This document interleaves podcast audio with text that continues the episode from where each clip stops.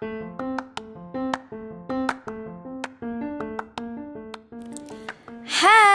Assalamualaikum warahmatullahi wabarakatuh. Welcome back with me Chelsea Arta. Kembali lagi bersama saya Chelsea Arta di Celoteh.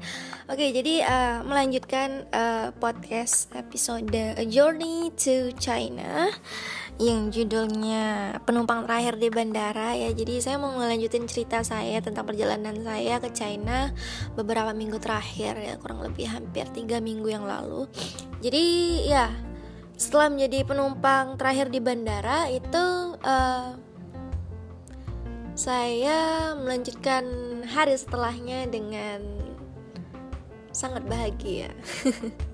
Oke, okay. petualangan kami berlanjut uh, di, di keesokan harinya tentunya. Ya jadi uh, di hari setelahnya seperti apa yang aku ceritakan sebelumnya bahwa di Lanco kemarin itu kebetulan aku ada satu kenalan orang Indonesia mahasiswa Indonesia yang kebetulan uh, kuliah di China namanya Hamdan. Kami janjian di suatu tempat uh, di Lanco Center di mall gitu lah. Mall pusat perbelanjaan di Lanco yang I don't know apakah itu terbesar atau the most famous? Intinya di Lanco Center lah ya. Nah kami ketemuan di situ tuh. Naik taksi. Ini awal-awal uh, bangun pagi jam 10 speechlessnya tuh gini loh kalau di Lanco. Uh, saya bangun jam berapa ya? Jam 8 pagi itu masih gelap banget kayak bener-bener jam 4 subuh gelap abis. Bener-bener jam 8 pagi itu gelapnya sama kayak jam 4 subuh. Tapi bus-bus itu udah pada berkegiatan kayak udah rame aja gitu. Orang-orang udah pada beraktivitas jalanan udah mulai rame. Padahal di Lanco itu sendiri jam 10 malam bener-bener sepi sepi sepi sepi banget. Kalah kayak di Indonesia apalagi di Pontianak bener-bener sepi sekali.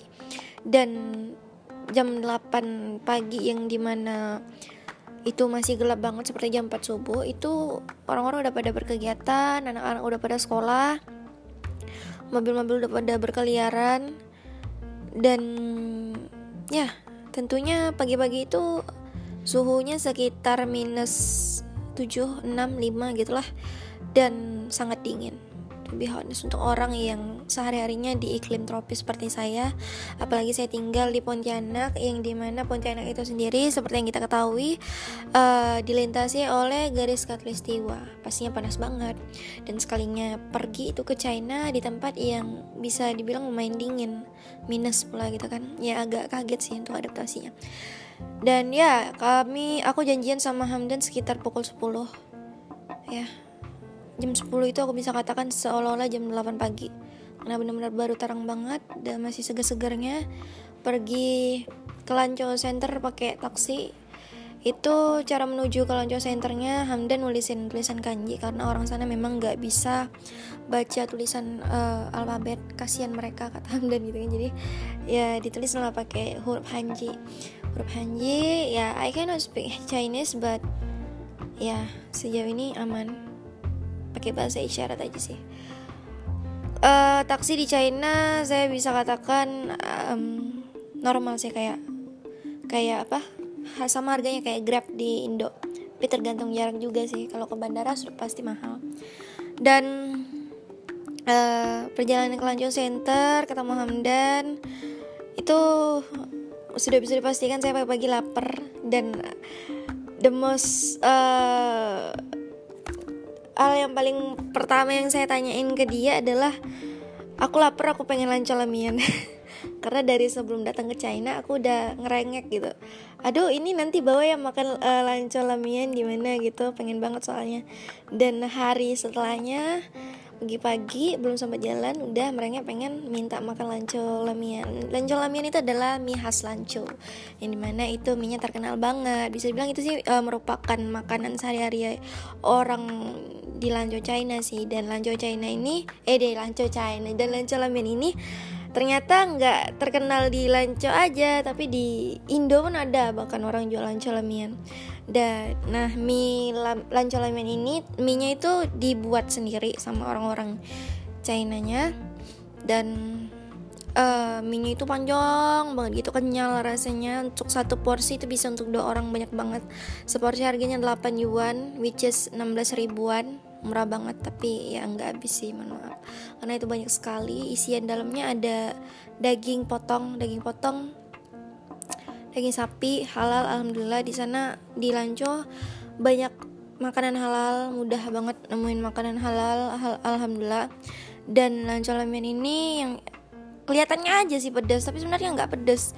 Dan ternyata orang China itu nggak tahan pedas. Dan kalaupun dia pedas nggak pedas banget. Malahan kayak itu cuman semacam flavor aja sih semacam bumbu aja sih merah-merah doang gitu tapi nggak pedas dan ciri khas bumbu Chinese itu ternyata apa ya rempah-rempahnya itu nggak enaknya melekat di mulut gitu. ada satu bumbu yang nggak bisa aku definisikan dalam kata-kata tapi adalah ciri khasnya dari setiap makanan itu bumbu itu selalu ada gitu.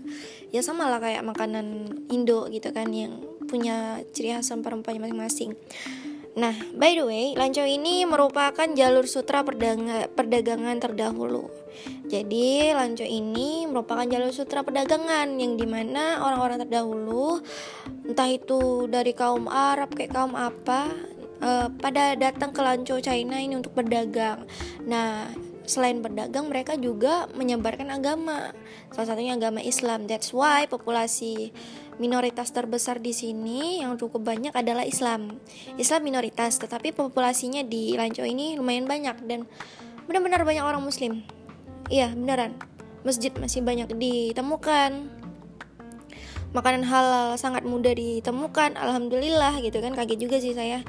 Dan fakta menarik lainnya, Lanco ini ternyata satu jalur juga dengan Xinjiang. Ya, satu jalur banget dengan Xinjiang tinggal pakai kereta. Sayangnya saya nggak bisa ke Xinjiang atau ke Urumqi dikarenakan saya perempuan pakai kerudung. Bukannya dilarang hanya saja terlalu beresiko ya. Bagi saya orang Indonesia muka bener-bener asing. Saya nggak mau ngambil resiko sih karena saya juga nggak tahu medannya seperti apa jadi ya selama safar saya di Lanco China saya hanya fokus terhadap apa yang Tuhan kasih ke saya. Misalnya takdir saya ya untuk uh, menelaah Lanco China yang di mana populasi muslimnya masih banyak di sini ya udah saya lanjutkan syiar saya di Lanco gitu. Perkara Uighur perkara Xinjiang mungkin saya sejauh ini hanya bisa menitipkan doa. Ya sedih juga sih hamin sebulan keberangkatan sampai dilema dilema gitu kan aduh gue ke China tapi di sisi lain hati gue bergejolak gitu. Uh, apa nahan rasa tentang saudara-saudara gue yang di China yang juga ditahan. Belum lagi gue kaget kan ternyata satu jalur sama Lanco gitu. Itu kayak pergolakan batin banget sih to be jadi ya back to the topic. Perjalanan di China ada satu masjid. Ya selain jadi uh, jalur sutra di Lanco ini ada satu masjid yang lumayan terkenal namanya Siguan Moskow. Sebenarnya ada satu lagi masjid. Dia pas banget di depan hostel aku seharusnya, tapi udah dirobohkan karena mungkin mau direnovasi kembali. Ya, karena memang masjid itu masjidnya bentuknya kayak masjid kapal. Mengingatkanku pada Munzalan Mubarakan, masjid aku yang di Pontianak, rumah ketigaku. Jadi masjidnya itu berbentuk kapal, sayangnya sekarang udah dihancurkan, mau direnovasi kembali dan memang masjid itu tuh sering kali direnovasi dari uh, per tahun gitulah. Per sekian tahun direnovasi terus dan sekarang udah dirobohkan. Jadi aku nggak ada lihat mesinnya sayang sekali. Padahal itu bagus sekali dan aku pengen sekali visit. Dan ya Siguan Moskow pas datang ke Siguan Moskow itu masjidnya bener-bener kayak kita ngerasa kayak di Hagia Sophia model model model masjidnya kayak kayak model masjid Turki. Kayak masjid itu apa Hagia Sophia gitu. Kubahnya belum lagi depannya ada pohon kan lagi musim dingin otomatis pohonnya gugur gitu kering gitu kan. Nah ternyata di China ini itu banyak yang muslim tapi sedikit sekali yang saya jumpai yang kerudungan kecuali yang tua. Saya tanya dong sama Hamdan. Eh saya nggak nanya sih tapi Hamdan yang bilang e, tahu nggak? kata dia gitu. Ini yang di China yang pakai kerudung tuh rata-rata uh, bukan rata-rata sih yang berkerudung itu kalau yang ceweknya tandanya udah menikah. Kalau yang cowoknya ya bebas sih mau pakai kopi ya walau belum menikah juga nggak masalah jadi pantasan lah saya ini dipandangin terus di sepanjang jalan badan kecil pakai kerudungan. Ternyata saya dikira udah nikah. Bahkan waktu makan lanco lamian ditanyain tuh sama apa cece-cece yang jual mie nya teman kamu cantik katanya gitu. Tapi sayang saya nggak ngerti bahasa kalian. Uh -uh. Ya dia kayak basa-basi gitu kata kata Hamdan nanya-nanya kamu dari mana? Ya kepo gitu lah kan orang asing secara beda banget mata gue belum mata dia sipit. Terus juga sempat dikirain orang Laos orang Malaysia waktu ke night market. Ah ya ada satu lagi. Pasar aku nggak bisa katakan ini pasar halal sih hanya saja di night marketnya Lanco ini begitu banyak makanan-makanan halal yang bisa dijumpain gitu loh walaupun masih ada ditemukan jual babi sih di situ tapi mayoritas kebanyakan makanan halal dan yang jualnya juga kopiahan pakai kerudungan. Ya jadi namanya Lanco Night Market uh, kalian bisa searching di Google aku nggak apa alamatnya. Jadi itu pasar malam isinya street food semuanya selain street food di beberapa sekian meter nggak sekian meter sih ya sekian meter dari dekat situ juga ada pasar pasar malam yang jual pakaian-pakaian, sepatu-sepatu gitu. Bisa nego pula. Tuh Hamdan jago nawar. Nah, jadi di night market itu banyaklah makanan jajan gitu kan, makan makanan halal cuman karena gimana ya? Ketemu makanan Chinese yang kita sudah tahu rasanya tidak perlu dilakukan lagi kalau udah makanan Chinese. Apalagi setelah datang ke Lanco yang di mana makanan Chinese itu halal semuanya, kalap cuy. Jadi setelah nemu night market itu hilang udah selera. Udah kekenyangan mau makan. Jadi awal hasil saya hanya bisa melihat teman-teman saya makan doang gitu. So far kalau untuk lanco my first impressions on the first day lanco is such a big city walaupun dia merupakan kota provinsi dari RRC tapi cukup besar. Bisa dikatakan maju. Orang-orang yang humble kalau dikatakan ada isu rasisme atau apa sebagai macamnya nggak ada sih tidak menemukan. Dan kalaupun dikatakanlah orang-orangnya judes tidak mereka sangat humble. Bahkan saya makan aja ditanyain kamu dari mana kamu kapan pulang dalam bahasa Chinese. Kalau saya bisa ngerti karena saya pakai Google Translate. Dan apalagi ya aman so far aman. Kalau kita jalan-jalan ke Lanco mau cari makanan halal gampang mau cari masjid gampang. Kalau kalau bingung nyari makanan halal di mana ya cari aja makanan di sekitaran masjid. Cuman memang kalau di China sekarang itu tulisan halal dalam berbentuk dalam bahasa Arab dalam tulisan Arab itu udah nggak ada lagi. Diganti dengan tulisan Hanji as you know lah ya. Kebijakan pemerintah Cina seperti apa? Aku memaklumi karena setiap negara punya kebijakannya atau mereka bukan negara Islam mereka negara komunis jadi kita jadi aku sendiri nggak bisa meng, menjudge mereka bahwa ya apaan sih? Ini kan ya emang Islam mengharuskan hal dalam bahasa Arab bla bla bla. Ya gimana cuy negara mereka mereka juga bukan mayoritas muslim. Jadi kita nggak bisa menjustifikasi kita hanya bisa memaklumi taat dan patuh. Ya.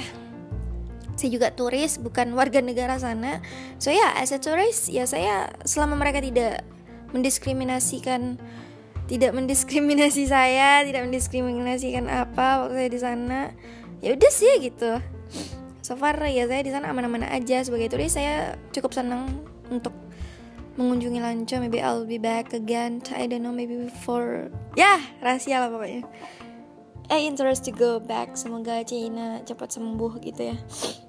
So far kalau kalian pengen ke Cina tapi uh, begitu takut terhadap isu rasisme, susah cari makanan halal atau orang-orang yang gimana gitu, datanglah ke Lanco. Insya Allah orangnya humble, aman, cari makanan halal mudah, masjid masih mudah ditemukan. Tapi beda cerita kalau kita pergi ke Xinjiang gitu ya.